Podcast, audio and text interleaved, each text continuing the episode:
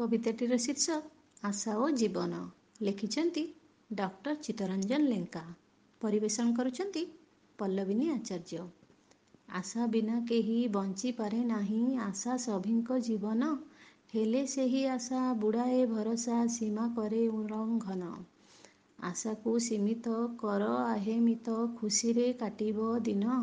ଯାହା ହିଁ ନିଶ୍ଚିତ ତୋ ପାଇଁ ପ୍ରସ୍ତୁତ ହୋଇଥାଏ ଜ୍ଞାନୀ ଜନ।